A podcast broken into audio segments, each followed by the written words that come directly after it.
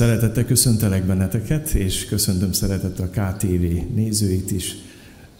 Nekik fogják felvenni a szószék műsorba az igényedetésnek egy részét. Elérkeztünk a jelenések könyvének a 12. és 13. fejezetéhez. Rosszul mondtam ma egy hete, hogy csak egy fejezetet kell olvasni, kettőt kellett elolvasni. És hadd mondjam nektek, hogy elég megrázott cím, nem tudom, hogy, hogy olvassátok, hogy át, lehet azt mondjátok, hogy Sámuel nem tudtam valami szebb címet adni ennek, hogy az sátán valódi arca. Mégis úgy gondolom, hogy fontos, hogy beszéljünk róla is, és annyiban fontos, hogy beszéljünk róla, hogy annál erőteljesebben ragyogjon fel az Úr Jézus Krisztus szépsége, dicsősége ma közöttünk. Igazából ő lesz az a sötét háttér, amiben fölragyog Jézus Krisztus dicsősége. Azért kell róla beszéljünk, mert két nagy hibát követhetünk el, többet is, de kettőt biztosan. Az egyik, amikor a hívemberek túlbecsülik az ördögöt. Nagyon sok hívember elmetne sátánistának, mert annyit beszél az ördög hatalmáról, annyit foglalkozik a démonvilággal, hogy ebbe kavarodik bele, ebbe gabajodik bele, és nem jó ez. Ismerek embereket, akik mindig ilyen könyveket olvasnak, szabadító szolgálat, démonológia, meg minden más egyéb. Ez az a veszély, amikor túlbecsülöd, amikor túl sokat foglalkozol vele, egy hiba. A másik hiba, amit elkövethetünk hívjuk, hogy alábecsüljük az ő erejét és hatalmát, nem számolunk vele, és éppen ezért nagyon sokan, nagyon könnyedén az áldozatává válunk. De szeretnék arról is szólni, hogy egy harmadik hiba, amit elkövetünk az ördöggel szembe, és ez ma nagyon jellemző mai társadalomra, hogy a sátán inkognitóba vonul. Volt egy ilyen kis anekdót, ami arról szólt, hogy a tanácskoznak az ördögök a pokolba, hogy mivel tévesszék meg az embereket. Jelenkezett valaki, hogy a buja élettel, azt mondta az ördög, ez már lement lemez, más jelenkezett, hogy a függőségek, különféle eh, függőségek, szenvedélyek, azt mondja, ez is leárt lemez. Jelenkezett a másik, és mondta, hogy szeretnék jelenkezni az ateizmussal. Azt mondta az ők, már ez is, ez is leárt lemez. És a végén azt mondta az ördög, hogy a legjobb módszer az lesz, hogyha azt mondjátok, hogy van Isten, van Jézus Krisztus, van szent háromság, de nincsen ördög, nincsen sátán. És az egyik dolog, amit ben nagyon-nagyon könnyen belegyalog a ma embere, hogy tagadja az ördög létét. Tagadja az ördög létét, és hadd mondjam nektek, hogy amikor valamiről nem tudunk, de létezik, akkor tud nekünk a legtöbb kárt okozni. Mondok erre egy történelmi példát. Amikor volt Csernobylban az atomrobbanás, a sugárveszély ez nem látható fizikai szemmel. Úgy röpködtek át helikopterekkel a felhőn keresztül ezek az emberek, hogy nem tudták, hogy mi fog őket érni. És utána néhány hónapon belül rengetegen meghaltak szörnyű, kínos halálban és szenvedések között, mert nem, lá- nem volt látható fizikai szemmel, valósággal nem volt látható a veszély. És nagyon sokan úgy éltek ott, nagyon későn derült ki, későn jelentette be a Szovjetunió, hogy itt valami nagy baj van. És addig az emberek fokozatosan kapták ezt a dózist, ezt a, a, a dózis rengeteget a testükre. Tehát amikor az ördög azt mondja, hogy nem létezek, akkor tud a legtöbb kárt okozni az életben, az emberek életében, mindezt látni is fogjuk. És nagyon fontos látni azt, hogy amikor tagadjuk az ő létezését, azon nem oldunk meg semmit. Tehát nem szabad őt túlbecsülni, nem szabad őt lebecsülni, és nem jó az, hogyha tagadjuk, mert nagyon-nagyon sok kárt és pusztítást fog okozni az életünkbe. Szóltunk eddig a hét pecsétről, és láttuk azt, hogy a hetedik pecsét össze van kötve az első trombita szóval. Ma egy hete a hét trombita szóról szóltam nektek a jelenések könyv alapján, és ma elérkeztünk a 12. 13. fejezethez. Itt egy nagyobb szakaszt jelölök meg nektek. A, itt két nagy jelről van szó, és hét látomásról, amit aztán követ a harag hét pohara. A 12. fejezet és a 13. fejezet, bocsát, egy nagy jel, pontosabban két nagy jelről és két látomásról fog szólni. És arra bíztatlak benneteket, hogy keresétek meg a Bibliátokba ezt a szakaszt, és fel fogjuk most olvasni. Ki is fogom vetíteni, hogy ott is olvasható legyen. Akinek jó a szeme, és el tudja olvasni, az átmehet a sofőrvizsgán. Tehát jó? Ekkor nagy jel tűnt fel az égen, egy asszony a napba öltözve, és a lába alatt a hold, a fején pedig tizenkét csillagból álló korona. Várandós volt, és vajudva, szüléstől gyötrődve kiáltozott. Feltűnt egy másik jel is az égen, ém egy hatalmas tűzvörös sárkány, amelynek hét feje és tíz szarva volt, és a hét fején hét korona. Farka magával sodort az ég csillagainak harmadát, és ledobta a földre. És a sárkány odaállt a szülni készül asszony elé, amikor megszülte, hogy amikor megszülte, felfalja a gyermekét. Az asszony fiúgyermeket szült, aki vasveszőben legeltet minden lépet. A gyermek elragadtatott az Istenhez és az ő trónjához, az asszony pedig elmenekült a pusztába, ahol Istentől előkészített helye volt, hogy ott táplálják 1260 napig. Bocsánat. Ezután, bocsánat, igen. Ezután háború támadt a mennyben. Mihály és angyala harcra keltek a sárkányjal, és a sárkány is harcra kelt angyaival együtt, de nem tudott felülkerekedni, és nem maradt többé számukra hely a mennyben. És levetetett a hatalmas sárkány, az ősi kígyó, akit ördögnek és sátánnak hívnak, aki megtéveszti az egész földkerekséget, levettetett a földre, és vele együtt angyala is levettettek. Hallottam, hogy egy hatalmas hang megszólal a mennyben. Most jött el az üdvösség, Istenünk ereje és király uralma, és az ő Krisztusának hatalma, mert levettetett testvéreink vádlója, aki a mi Istenünk szín előtt éjjel és nappal vádolta őket. Legyőztük őt a bárány vérével, és bizonyságtételük ígével azok, akik nem kímélték életüket, mint halálig. Ezért végadjatok egek, és akik bennük lakoztok, jaj a földnek és a tengernek, mert leszállt hozzátok az ördög nagy haraggal, mivel tudja, hogy kevés ideje van. Amikor látta a sárkány, hogy levettetett a földre, üldözőbetett asszonyt, aki a fiúgyermeket szülte, de az asszonynak a nagy sas két szárnya adatott, hogy a pusztába repüljön az ő helyére, hogy ott tápláltassék három és fél évig a kígyó elől elrejtve. A kígyó pedig a szájából folyónyi vizet árasztott az asszony után, hogy elsodortassa az árral. De segített a föld az asszonynak, megnyitotta a föld a száját, és elnyelte a folyót, amelyet a sárkány árasztott a szájából. Meghorogodott a sárkány az asszonyra, és elment, hogy hadat indítson a többiek ellen, akik az asszony utódai közül valók, akik megtartják az Isten parancsait, akiknél megvan Jézus bizonyságtétele, és odaállt a tenger fövenyére. Uram, arra kérlek téged, hogy segíts, hogy eh, csak annyit mondjak, amennyit kell. És amiben biztos vagyok, és add, hogy ne okoskodjak, és könyörülj meg rajtunk, hogy ebből az igéből meghalljuk az evangélium erejét. Amen. Egy nagy jel és egy másik jel. Ekkor nagy jel tűnt fel az égen, feltűnt egy másik jel is az égen. Hadd mondjam nektek, a jelenések könyve maga egy jelképes könyv, a jelképek könyve, és nagyon furcsa, úgy tűnik, mint hogyha bele lenne építve egy jelképrendszer, egy jel a jelképrendszerbe. Két nagy jelről van szó, és amikor az igaz mondja, hogy nagy jel, akkor ez azt akarja mondani, hogy Isten szeretne valami nagyon fontosat, a jelnél sokkal fontosabbat elmondani erős képekkel amikor a farizeusok oda mennek, és azt mondják, hogy csinálj valamit Jézus, bizonyíts be nekünk, hogy te vagy az Isten fia, akkor azt mondja is, hogy a parázni és hitetlen nemzetségnek nem adatik más jel, mint a Jónás jele. Amiképpen Jónás három napot volt a halgyomrában, azonképpen az ember fia is három napig lesz a föld gyomrában. És ott Jézus nem arra hív minket, hogy Jónást prédikáljuk állandóan, hanem hirdessük ő halálát és az ő feltámadását. Jónás egy jel, ami rámutat Jézus Krisztus kereszt halálára és feltámadására. És gyertek nézzük meg ezt az első jelet. Egy asszony napba öltözve.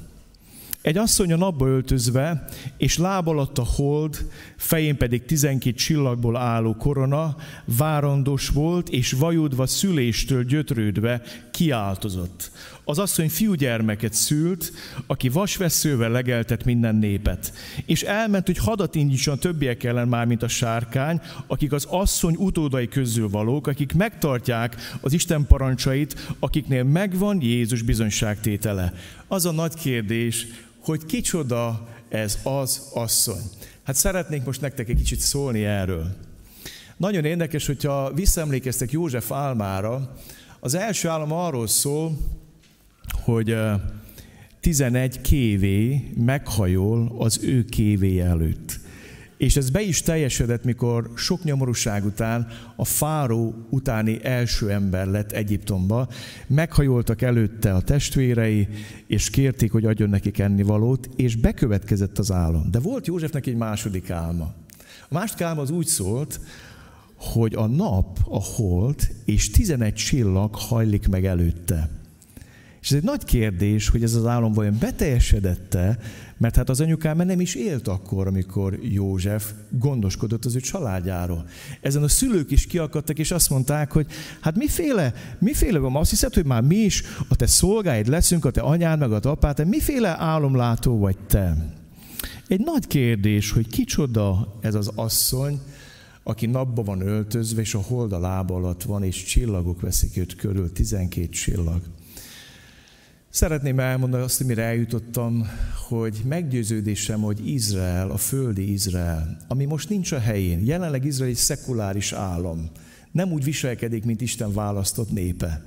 De lesz egy idő, amikor Izrael népe fölébred, felismeri Krisztusban, Jézusban a messiást, elkezdik ők imádni. Meg lesz náluk az, amiről olvastunk, hogy akik megtartják az Isten parancsolatait, és megvan náluk az Úr Jézusnak a bizonyságtétele. És amikor ez megtörténik a zsidóság körében, akkor Izrael betölti azt a küldetését, hogy pogányak világossága legyen. Tehát ez az napböltözet az, hogy nagy valószínűséggel mondhatjuk azt, hogy Izrael. Azt olvassuk, hogy szül egy fiút, és az fiúról kiderül az egyértelműen, hogy a mesiás. Mert Jézsás könyvében olvasunk arról, hogy lesz valaki egy gyermek, aki vasveszővel terelgeti a pogány népeket. Majd annak idején, amikor visszajön dicsőségesen. Azt is olvassuk ebbe az ígébének az asszonynak vannak más utóda is. Utódokról olvastunk, hogy a sárkány, mikor nem tudja a gyermeket felfolni és megenni, akkor mit csinál? Üldözőbe veszi az asszonyt, aki elmenekül elől a pusztába, és ott vigyáznak rá 1260 napig, három és fél évig, eh, vagy 40 hónapig, 42 hónapig, bocsánat, és nagyon érdekes látni azt, hogy, hogy miről is szól ez az íge? Vannak utódai. Kik ezek az utódai? Szükséges szólnom itt nektek a kereszténység és a zsidóság kapcsolatáról. Mi keresztények néha túl önteltek vagyunk, és szeretjük azt hinni, hogy a zsidóság majd vissza fog oltatni a kereszténységnek a kebelére. De a Biblia arról beszél, hogy ők, mint szelíd olajfaágak, kilettek törve a hűtlenségük, a keménységük, a vakságok miatt abból az olajfaágból, amit Isten elültetett, és mi, mi vadolajfaágok belettünk oltatva az ő helyükbe. Nem arról van szó, hogy mi fogadtuk őket be, hanem Isten minket fogadott be, és hitáltal Jézus Krisztus áldotában bízva Ábrám áldásainak az örökösei lehetünk. Ilyen módon az egyház a lelki Izrael. De ad mondjam nektek, van egy föld Izrael, a vér szerinti zsidóság, Istennek a választott népe, és szoros összefüggéség van a kereszténység és a zsidóság között. A kereszténység a zsidóságból nőtt ki. Nagyon érdekes látni, hogy az első keresztjének zsidók voltak. Az első keresztény gyülekezet, pünköskor alakult, a zsidó emberekből alakult. A Jeruzsálemi templomban alakult, és a Salamon csarnokában gyűltek össze.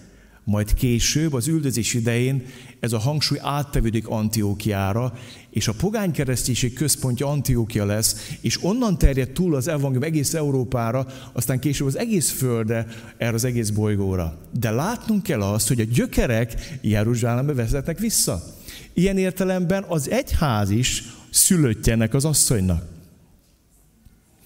Feltegyük a kérdés, hogy miért nem Mária ez az asszony, és miért nem az egyház. Mert nagyon sokan szeretnék azt hinni, hogy Mária. Hát azért, mert az asszonynak a jellemvonásai, azok egyáltalán nem illenek rá Máriára egyrészt. A másik pedig az, hogy Máriának nincsenek olyan utódai, akról beszél. Nem az ő utódai. Aztán a másik kérdés, miért nem a keresztény egyház?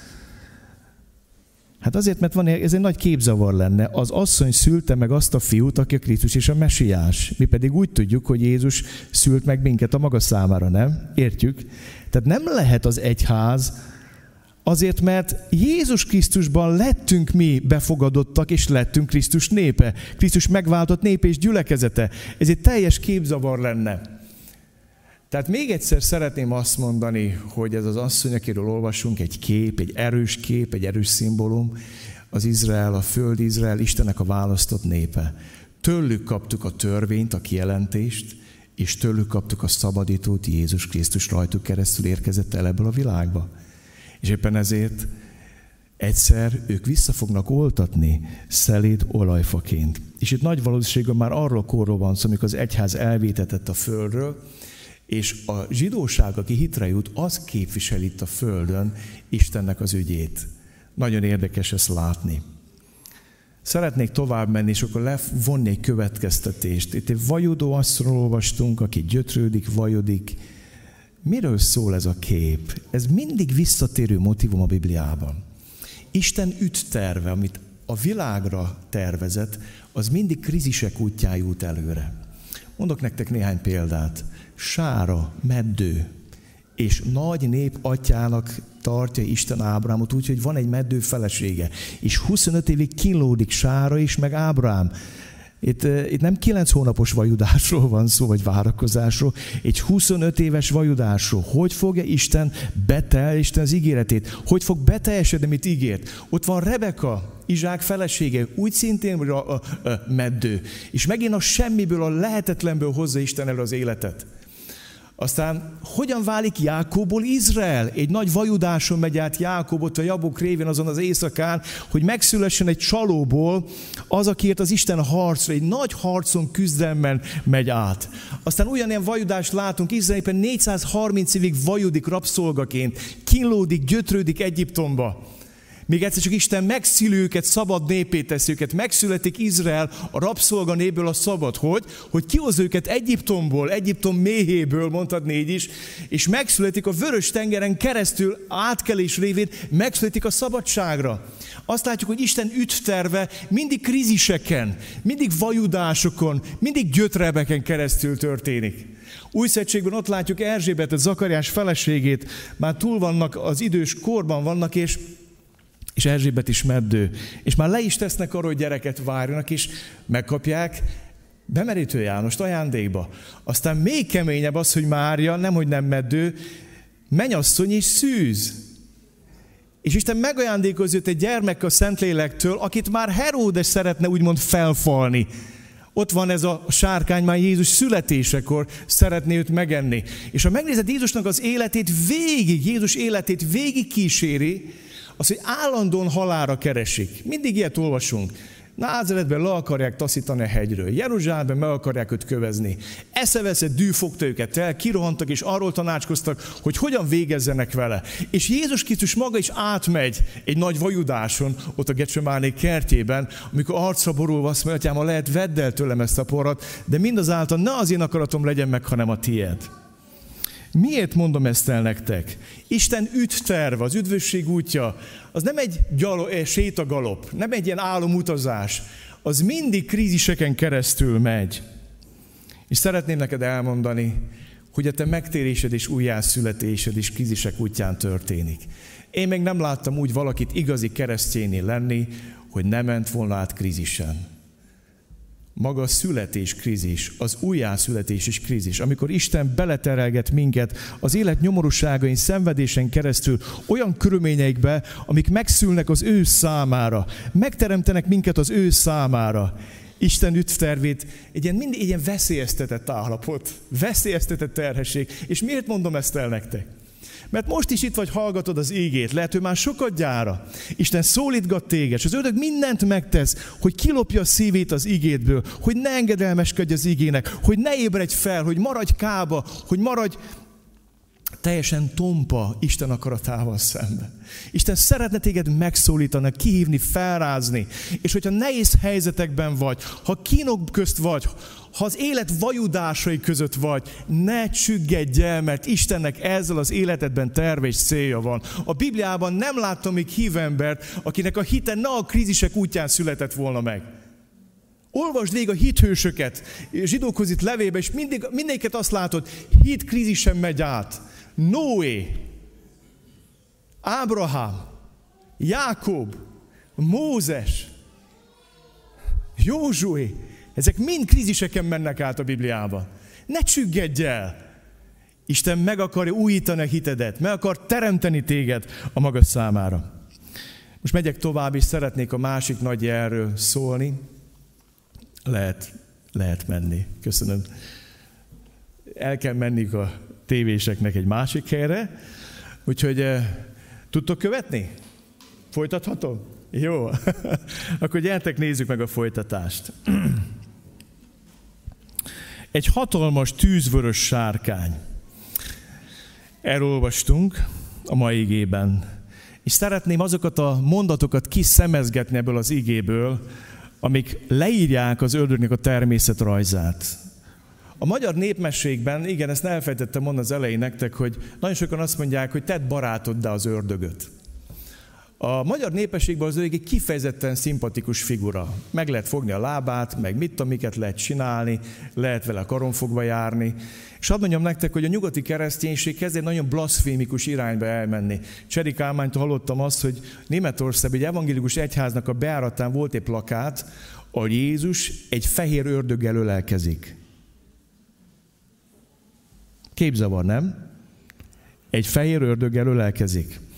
Mit sugal ez a plakát? Az, hogy tedd barátoddal az ördögöt, és akkor nem lesznek problémáid, nem lesznek vajudásid, nem lesznek kínjaid, nem lesznek problémáid az életben, akkor mind nagyon flottul fog menni.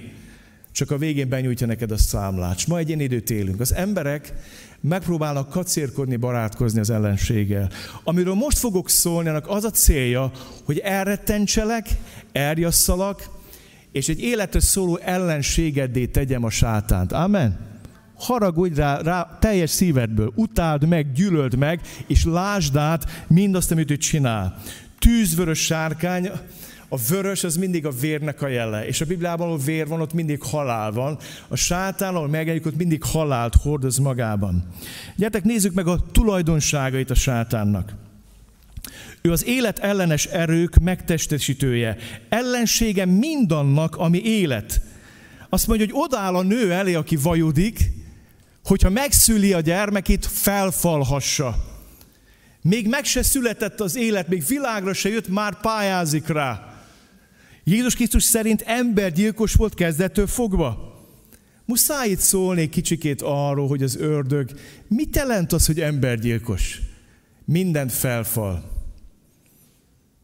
Vannak ennek nagyon drasztikus megnyilvánulásai, amik az emberek szembefordulnak az élettel, amikor magzatokat ölnek meg, magyar társadalomban az elmúlt 50 évben azt mondják, hogy több mint 5 millió magyar gyermek nem született meg, próbálja a magyar kormány minden erejét összeszedve pénzzel, meg nem tudom motiválni az embereket, hogy valahogy megfordítsa a demográfiai hanyatlást.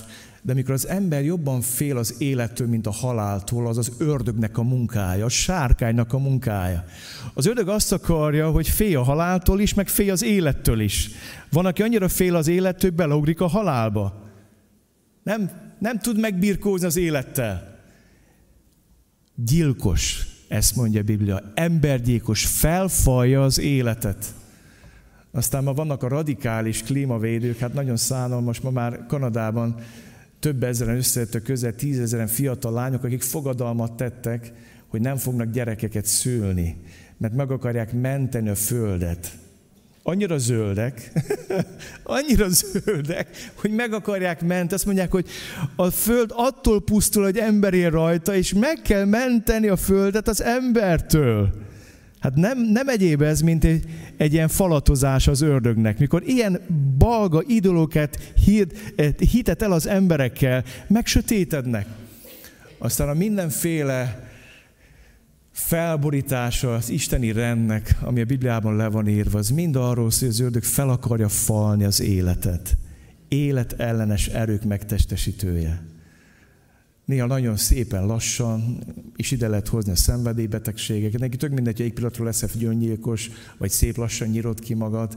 Egy biztos, hogy az ördög embergyilkos életfaló felfalja az életet odaáll a nővel, és fel akarja falni a gyermekét, és nem tudja ezt megtenni. Itt Jézus Krisztusról van szó, hogy Heródesre is utalhatunk, hogy ő is ki, kinyírt Betlehembe rengeteg gyermeket, csak hogy Jézust, a mesiást kipusztítsa. Nem jött össze neki. Jézus egész életében az élet-halál mesdjén van. De nem lehet őt megölni, mert ő leteszi önként az életét, ahogy Lajos mondta, és felveszi az életét. Nem akkor hal meg, amikor mi akarjuk, hanem amikor ő önként leteszi az életét és odaadja magát értünk. De a Bibliát végigvonul ez, hogy az ördög embergyilkos, életellenes. A másik, amit olvasunk róla, ősi kígyó. A Bibliában a kígyó az mindig a kísértőt jelenti. És levetett a hatalmas szárkány, az ősi kígyó, akit ördögnek és sátánnak hívnak, aki megtéveszti az egész földkerekséget. Kísértő. Szép a magyar nyelv. Hadd mondjam nektek, abban a magyar szóban olyan gazdag, szinte többet mond, mint a görög kísértés szó. Benne van az, hogy kísér, hogy mellét szegődik, és kísér téged. Ott van melletted, keresi a gyenge pontjaidat. Benne van ebben a szóban az is, hogy kísérletezik, próbálkozik. Szoktuk azt mondani, hogy magyarul, hogy bepróbálkozott valaki, nem? Hogy bepróbálkozik. Mit csinál? Ott van melletted, és keresi azokat a pontokat, ahol téged be tud csapni, ahol téged el tud ejteni. Kísértés. És a kísértésnek a célja mindig az, hogy bűnt kövesse el. Az ördög a földön kísért, a mennyben vádol. Ezt láttuk a mai igében. És onnan kidobják képes még a megváltottakat is vádolni, képes még azokat is vádolni, akik Jézus vére alatt vannak, és már üdvözöltek, és őket is vádolja, és levettetik onnan a vádló, kísértő.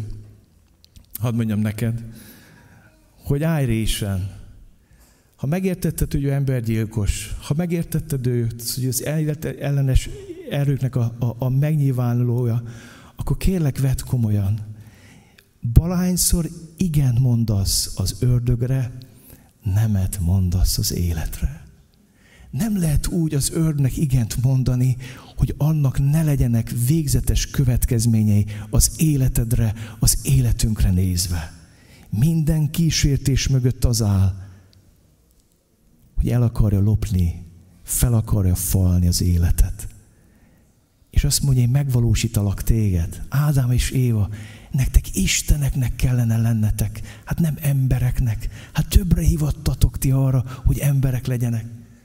Olyan szép a Filippi levében Jézus, a Krisztus himnusz, amikor azt mondja, hogy megürestette magát, szolgai formát vett fel, emberekhez hasonlóvá lett, és emberként élt. Ha valaki természet feletti volt, ha valaki hatalmas volt, az Istenfő mi világunkba, emberré lesz és emberként él. Mindig riaszt engem a természet ellenes kereszténység. Mindig riasztanak azok az emberek, akik ilyen nagyon természet feletti, meg természet ellenes módon élik meg a hitüket, azt hiszik, hogy attól ő valaki ők, hogy nagyon természet ellenesen élik meg az életet. Isten csak annyit kér, hogy emberként, hív emberként, Isten gyermekeként élj ezen a földön. Nagyon fontos látni, kísért az ördög, mellét szegődik és támad, és el akarja venni az életedet. Megyünk tovább, és gyertek nézzük meg a következő tulajdonságát, megtéveszt. A Biblia azt mondja, hogy hazugság atya. Amikor hazudik a magáéból szól, manipulatív személyiség az ördög, sosem egyenes, sosem az igazi arcát mutatja. Azért kell ma szóljunk a sátán természetrajzáról és valódi arcáról, hogy le tud leplezni, hazudik. Az ördög mindig hazudik, akkor is, amikor igazat mond. Mindig hazudik. Ne hallgass rá, meg megtéveszt. Aztán azt olvasok róla, bocsánat, hogy teljes uralomra és hatalomra vágyik. Egy hatalmas tűzvörös sárkány, amelynek hét feje, tíz szarva volt, és hét fején hét korona. Hét fej, hét korona. A korona az uralkodás, a királyságnak a jele. És ha valamire vágyik, mindennél eszeveszette jobban ez a sárkány, hogy uralkodjon, hogy hatalmon legyen, hogy őt imádják. Ezt jelenti a hét fej és a hét korona. Bocsánat, mindig túlugrok. Aztán egy olyan valaki, aki vádol éjjel és nappal, mert levettetett testvérénk vádolója, aki Istenünk szín előtt éjjel és nappal vádolta őket. Nagyon csúnya ez a munka az ördögnek, majd elég ilyen durva kampánynak lehetünk a részeit Magyarországon, ahol nem lehet tudni, hogy mi az igazság, mi a hazugság, mi az, ami meg van manipulálva, mi az, ami nem. Rengeteg ördögi eszközzel dolgoznak azok, akik megveszekedetten törekednek hatalomra bármelyik oldalon. Azt látom, sokszor bevetnek nemtelen eszközöket is a hatalom érdekében. Mit csinál az ördög? A földön kísért, a mennyben vádol. Ha elestél, elbuktál a kísértésbe, hogyha védkeztél, akkor elkezd téged vádolni, és azt mondja, na látod, milyen szerencsétlen vagy? Hogy csak te vagy ilyen lúzer, csak te vagy ilyen hülye. Hogy tudtad te elkövetni? Hogy tudtad te? Kétségbeesésbe kerget. egy nagyon döbbenetes példa a Bibliában Judás, akit állandóan csábít az ördög, mivel a pénzzel, a pénzzel és a hatalommal. És Judás vágyik a pénzre, és lopja a pénzt, és vágyik a hatalomra, és nem, nem tetszik az neki, hogy Jézus nem akarja hozni az elvárásait. Nem lép hatalom, nem, kér una, nem lép uralomra, és várja, hogy csinálj már valamit Jézus. És aztán eladja Jézust 30 ezüst pénzért, és egy olyan kétségbeesésbe kergette sátán Judást, hogy tudjátok, hogy mit csinál. Belemenekül a halálba. Megőrül, megbolondul, elveszti józan eszét, és kioltja saját életét, mert a sátán vádol.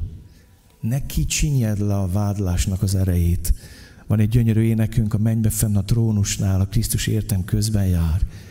És szerettem a második versét, mikor a sátán megkísért és vádol, megbánt bűnökét. Jézusra nézek, és áldom őt, a bűneimtől megmentőt vádol éjjel és nappal, folyamatosan. És akkor most elérkeztünk az igének a másik feléhez. Jó, most érkeztünk el. Hú, van egy javaslatom. Énekeljünk egy éneket. Tudom, hogy nem volt beütemezve. De akkor azt levezetem én jó. Gyere, Laci, a billentyűbe. Ő erősebb, ezt énekeljük, mint a sírbolt. Mindig így lesz, mindig így volt. Álljunk fel, gyertek, álljunk fel. Énekeljük ezt az éneket, jó? Nem akarnak zavarba de dicsőítő csapatot. Lacit, Lacit már sokszor, őt nem lehet zavarba hozni. Gyertek, énekeljük. Nagyon szép az ének. Van egy szív, ki értünkért. Vállalta a büntetést. Megvan, halleluja. Gyertek, énekeljük. Teljes szívünkből neki.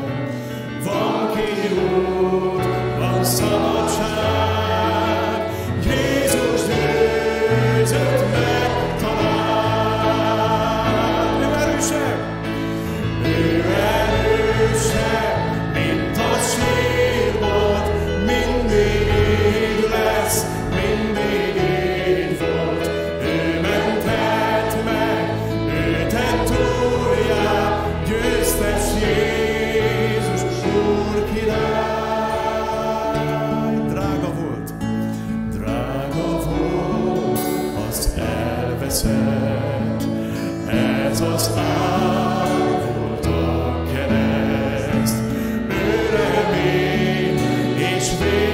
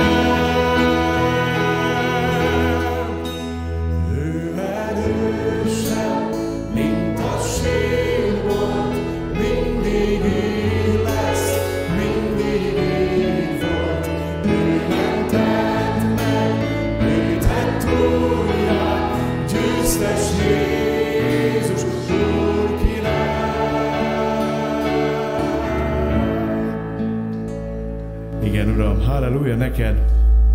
Hát maradjatok állva, olvasom az igét így, jó? Folytatjuk a 13. fejezetet, és látom, hogy a tengerből feljön egy fenevad, tíz szarva és hét feje volt, szava, szarvain tíz korona, és a fején Isten káromló nevek. Ez a fenevad, amelyet láttam, párduchoz hasonlított, lába, mint a medvé, szája, mint az oroszláné. A sárkány átadta neki az erejét, trónját és nagy hatalmát. Láttam azt is, hogy az egyik feje szinte halálosan megsebesült, de halálos sebe meggyógyult. Az egész föld csodált a fenevadat. Imádták a sárkányt, mivel átadta hatalmat a fenevadnak. Imádták a fenevadat is, és így szóltak, ki hasonló a fenevadhoz, és ki tudna vele harcra kelni, és adatot neki nagyokat mondó, és Isten káromló száj, és adatot neki hatalom a cselekvésre 42 hónapon át, és megnyitotta száját káromlásra Isten ellen, hogy káromolja az ő nevét és sátorát azokat, akik a mennyben laknak. Megadatott neki, hogy hadat indítson a szentek ellen, és legyőzze őket. Megadatott neki a hatalom minden törzs és nép, minden nyelv és nemzet felett, felett, hogy imádja őt mindenki, aki a földön lakik, akinek nincs beírva a neve a megöletett bárány életkönyvébe a világ kezdete óta. Ha valakinek van füle, hallja, ha valakire fogságra, fogságra jut. Ha valakinek kardáltal kell meghalnia, kardáltal hal meg. Itt van szükség a szentek állhatatosságára és hitére. És láttam, hogy a földből fejön egy másik fenevad, két szarva volt, mint a báránynak, de úgy beszélt, mint a sárkány. Ez gyakorolja az első fenevad teljes hatalmát annak színe előtt, és rábírja a földet és lakóit, hogy imádják az első fenevadot, amelynek meggyógyult a halálos sebe.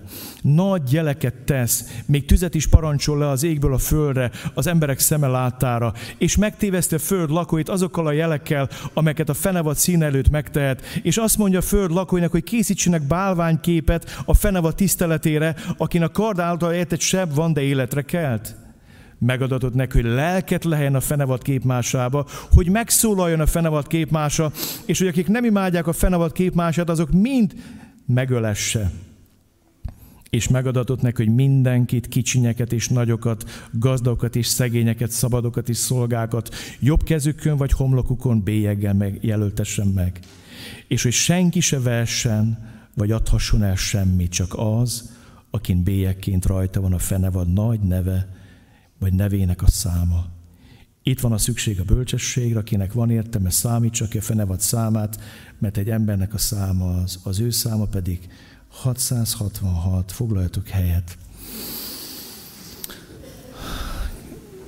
Eddig szóltam az ördögnek a természetrajzáról, most szeretnék az ördög uralkodásának a természetéről szólni. Úgy tudnám összefoglalni a 13. fejezetet, hogy a sárkány uralkodásának egyetlen célja, egyetlen tétje, hogy a földön mindenki őt imádja. Nem tud belenyugodni, egy állandó szerepzavarba van. Szeretne teremtményként imádatot kicsikarni. A mennyben szerette azt megtenni, a mennyből kidobták, ledobták a földre. Beszűkült az élettere. És a földön kik azok, akik Isten képmás lettek teremtve, az az ember, és a sátán mindent megtesz annak érdekében, hogy az ember őt imádja. Minden kísértésnek, minden bűnnek a végső célja, hogy rodjál térdre az ördög előtt, és őt imád. És hadd mondjam nektek, hogy amikor az emberek elkezdik őt imádni, elkezdnek hasonlítani rá. Mert az ember előbb vagy utóbb elkezd hasonlítani az imádátnak a tárgyához. Ha az ember nem Istent imádja, akkor betorzul. Ha szeretnél Istenhez hasonlítani, mert erre teremtett, akkor imád Istent. Amen? Ha viszont nem imádod őt, akkor törvényszerű valaki mást fogsz imádni, és ott annak mögötte mindig végső termékként meg fog jelenni az ördög. A célja az, az első bűnesetkési kísértéskor, hogy Ádám és Éva rodjanak térdre előtte. Őt imádják. Amikor megkísérti a másik Ádámot, Jézust ugyanezt teszi. Megkísért őt a, szem a, a, a, a, a test kívánságával, változtat a köveket kenyéré. Megkísért őt a, a szem megmutat neki mindent, és azt mondja, ha letérdesz előttem, akkor mit csinálok? Mindezt neked adom és megkísért az életevel a kérkedése és a szolgálat előtt van, és azt mondja, hogy Jézus, zarándok ünnep van. Zsidók tízezrei vannak Jeruzsálemben. Na most ugor le, na most mutasd meg, hogy te vagy a mesiás, te vagy az Isten fia. Csinálj valamit. És mindig a célja az, hogyha neki engedelmeskedünk, akkor őt imádjuk. Aki a bűn cselekszi, a bűn szolgál. És a bűn szolgálja, vagy akkor indirekt módon az ördögé. Ez a 13. fejezet erről a uralomról szól. És hadd mutassam meg nektek úgy, ahogy ezt e, e, megértettem. A 13. fejezet az a, a gonoszságnak a hármasságáról szól. A Bibliában Isten úgy mutatkozik be nekünk, mint aki szeretet, mint aki kapcsolataiban létezik, szent háromság, Atya, Fiú, Szentlélek. Mindegyik a másikra mutat, mindegyik a másikat dicsőíti, mindegyik a másiknak engedelmeskedik. És egy tökéletes kapcsolatrendszer a Szent Háromság, és nagy érdekes látni, hogy a, amikor az ördögről beszél a Biblia sátáról, ő is egy hármasságban létezik. A 12.-13. rész bemutatja nekünk a gonoszságnak a hármasságát, hát szennyháromságnak hívom én, nem rímeljen a szent háromságra. Ez a szennyháromság, amikor a sátán, az első fenevad, aki nem más, mint az antikrisztus, és a másik fenevad, aki azonosa, hasít a szentlekezén, meg a sárkány, az atyának a, a, a szerepét akarja betölteni. Mindenek teremtőjeként, alkotójaként akar feltűnni, azt akar, hogy mindenki őt imádja. Az antikrisztus pedig azért jön, hogy rávegy az embereket, hogy imádják a sárkányt. Jézus azért jött, hogy dicsőítse az atyát, hogy megdicsőítse az atyát, de van egy különbség, egy nagy különbség. Az ördög eh, maga a megtestesült gonoszság és tökéletlenség. Ők nem úgy léteznek, az ördög nem szeretet. Isten szeretet. A fiú semmit sem tesz, ha nem látja, mit tesz az atya. De itt vannak elszólások, hogy a fenavad nem csak azon dolgozik, hogy imádják a sárkányt, hanem azon is dolgozik, hogy imádják őt. Jézus semmit nem tett a föld azért, hogy őt imádják. Mindent azért tett, hogy kit imádjanak? az atyát. Meg tudod különböztetni minden hiúság gőg, ami mögött az emberi büszkeség áll, az ego áll, és vannak ennek keresztjén kivitelei. Ma annyi tévtanító, meg hamis tanító van, most kezdnek úgymond megtérni, visszavonni a tanításéket, mert recseg ropogalatuk a, a rendszer. Ez nem megtérés, nem sírva tartnak bűnbánatot, mosolyogva, nevetve vonják vissza az addigi szélhámos tanításaikat, mert érzik azt, hogy hát mellé, mellé mentek nagyon az ekével, mellé szántottak. Annyi ilyen jellemzője van, még mindig a maga hűságán, dicsőségén dolgozik, és olyan könnyű, az úr azt mondta, a nagy kenet van rajta, most aztán hó-hó, bejelent két ilyen mondat, és mindenki esik hátra. És a legjobb hülyeségeket mondják a Bibliában ezek a tanító, keresztény vezetők, aminek közel nincs a teljes íráshoz. Tehát jegyezd meg, az ördög nem szeretet, és lemajmolja a szent háromságot egy szenny háromsággal, de nagyon érdekes látni azt, hogy a fenevad nem csak a sárkány dicsőségén dolgozik, hanem kinek a dicsőségén? Ha? A saját dicsőségén. És ott van a másik fenevad, aki a szárazból jön elő, az egyik a tengerből jön elő, és ez borzasztóan hasonlít a kétszer van, mint a báránynak, hasonlít a bárányhoz, de a sárkányt imádja, és úgy beszél, mint a sárkány, Miről van itt szó? Arról van szó, hogy mintha Szentléleknek a szerepét töltené be a negatív világban. Ő azért jön, hogy az első fenevadat dicsőítse. Hogy meggyőz az embereket, hogy imádják az Antikrisztust. Az Antikrisztus azért, hogy imádja a sárkányt, és rávegy az embereket bocsánat, a sárkány imádatára. A másik fenevad, vagy a proféta pedig azért jön, hogy rávegy az embereket, hogy imádják az Antikrisztust és annak képmását, és jeleket, és csodát tesz, és mindenfélét tesz annak érdekében, hogy, hogy ezt megtegye. Nagyon fontos látnod azt, hogy a 13. fejezetnek a kulcsszava az imádat. Az egész föld csodálta a fenevadat, imádták a sárkányt. Mivel átadta hatalmat a fenevadnak, imádták a fenevadat is. Figyeled? Megadatott neki, hogy hadat indítson a szentek ellen, és legyőző őket. Megadatott neki a hatalom minden törzs, nép és nyelv és nemzet felett, hogy imádja őt mindenki, aki a földön lakik. Az imádat a kulcs szó. Ez gyakor az első fenevad teljes hatalmát annak szín előtt, és rábaír a föld, és gyakorlott, hogy imádják az első fenevadat. És a vége az, hogy aki nem imádja, azt meg kell ölni. Húha, nem tudom, érzitek, hogy kezdi az ördög elárulni magát? Az elején mindig nagyon szépen jön. Humanista álfilozófiákba csomagolja bele a legnagyobb mérget, de ott a végén mindig halál a vége. Mindig halál a mérge, mindig megjelenik valahol a méreg, a halálos méreg. És gyertek, nézzük most meg gyorsan összefoglalva, hogy az sárkány uralkodásának milyen a természete, jó? Gyertek, nézzük meg a természetét. Az első, igazi celeb. Az egész föld csodált a fenevadat. Az ördögnek az egy természete, hogy nincs teljesítmény a, az élete mögött, de csodálni kell őt. Igazi celeb. Arra vágyik, hogy csodálják az emberek. Aztán a másik, ami jellemző rá, másokat lenyűgözni szeret. Ki hasonló a fenevadhoz, és ki tudna vele harcra kelni. Tudjátok, miért mondom ezeket? Mert ezek a vonások megjelenek emberek életében. Kísért az ördög engem is, meg téged is ezzel. Létezik szelepség a keresztény világon belül. Aztán másokat lenyűgöz. Ki hasonló a fenevadhoz, és ki tudna vele harcra kelni. Aztán igazi szájhős, és adatot neki nagyokat mondó, és Isten káromló száj. Az Úr Jézus Krisztus egészen más. Hadd mondjam nektek, a hazugságokat mindig nagyok, nagy szájjal kell mondani, és mindig hatalmas meggyőző erővel. Az Úr Jézus azt mondják, hogy mindenki álmélkodott a tanításán, mert úgy tanított, mint akinek hatalma van. És tudjátok, miben állt a hatalma? Nem a szónoki képességében, hanem Jézus hatalma abban állt, hogy ő az út, az igazság és az élet. Mit hirdet Jézus mindig? Az igazságot. Mivel találkozol, mikor vele találkozol? Mivel? Az igazsággal, a valósággal. Hadd mondjam nektek, jegyezd meg, nem a hatalomnak van igazsága, hanem az igazságnak van hatalma. Néha meg kell halljanak emberek, hogy ez kiderüljön. Martin Luther King hirdette az igazság hatalmát. Belehalt, és évtizedek múlva ez az igazság győzött. Voltak percemberek és pillanatemberek, kinyírták, lelőtték, azt mondták, hogy eltöltjük Martin Luther Kinget, és, meg, és fenntartjuk a szegregációt.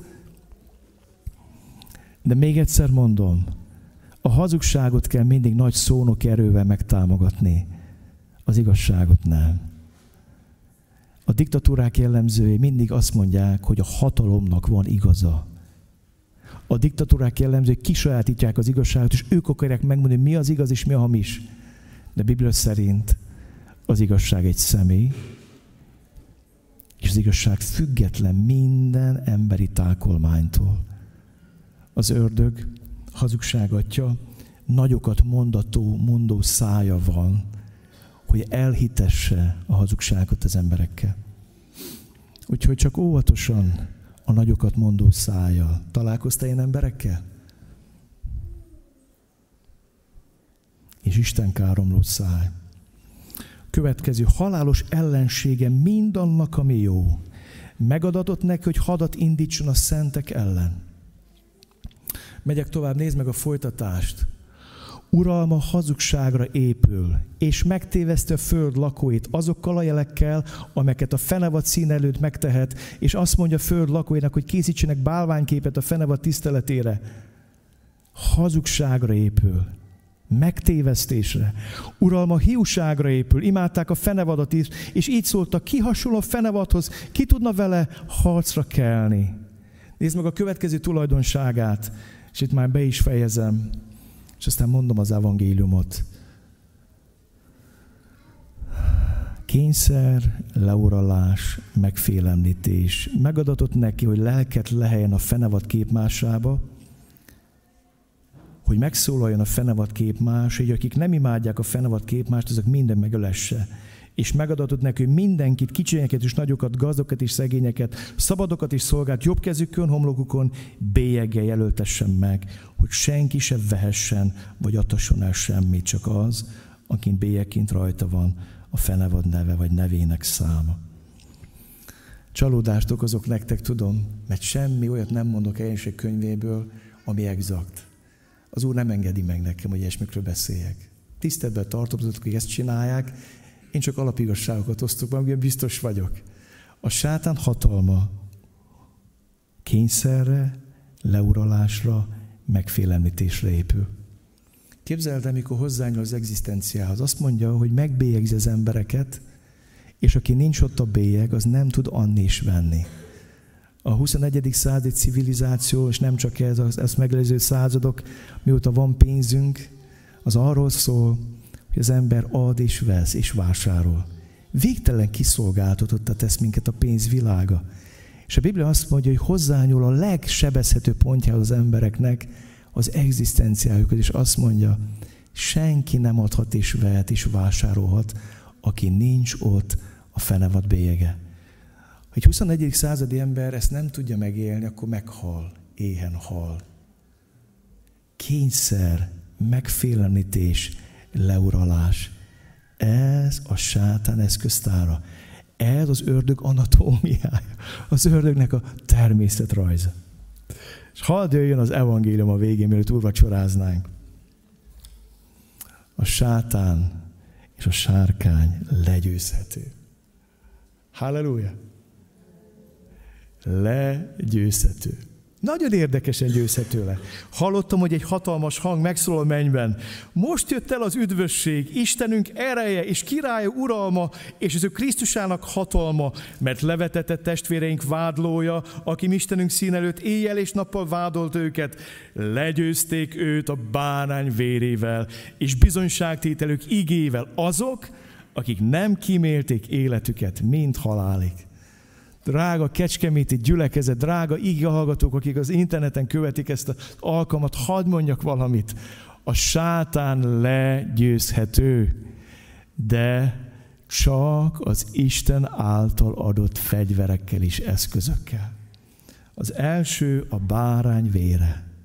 Ma erre fogunk emlékezni az úrvacsorában hogy az ő vére folyt ki a mi bűneinkért, hogy megtisztítson minket minden hamiságtól. És az az óriási dolog, hogyha Jézus vére rajtad van, akkor nincs bűnöd. Nem azért, mert nem követted el, hanem azért, mert ő bűnnél lett érted a Golgotai kereszten. És az ördög vágyától csak úgy lehet megszabadulni, ha nincs rajtad bűn. És akkor már nem téged vádol az ördög, hanem Jézust, ha rajta van a bűnöd de őt vádolhatja, mert ő erősebb. Engem vádol, össze tud nyomorítani, tönkre tud tenni. Miért? Mert nem vagyok erősebb, mint az ördög. De Jézus erősebb, hatalmasabb. Oda került rá a bárány vér az első dolog, amivel legyet, le lehet győzni az ördögöt. És hadd kérdezem meg tőled ma a Szentleg, ott van rajtad Jézus vére, hiszen Jézus áldozatában éltél ez a lehetősége, odaadtad magad neki. Ott van rajtad a bárány vére. A második, bizonyságtételük igével. Ha szívvel hiszed, és szája vallást teszel, és hadd mondjam nektek, úgy kell vallást tenni, akik nem kimélték életüket, mint halálig. Vállalták ezt.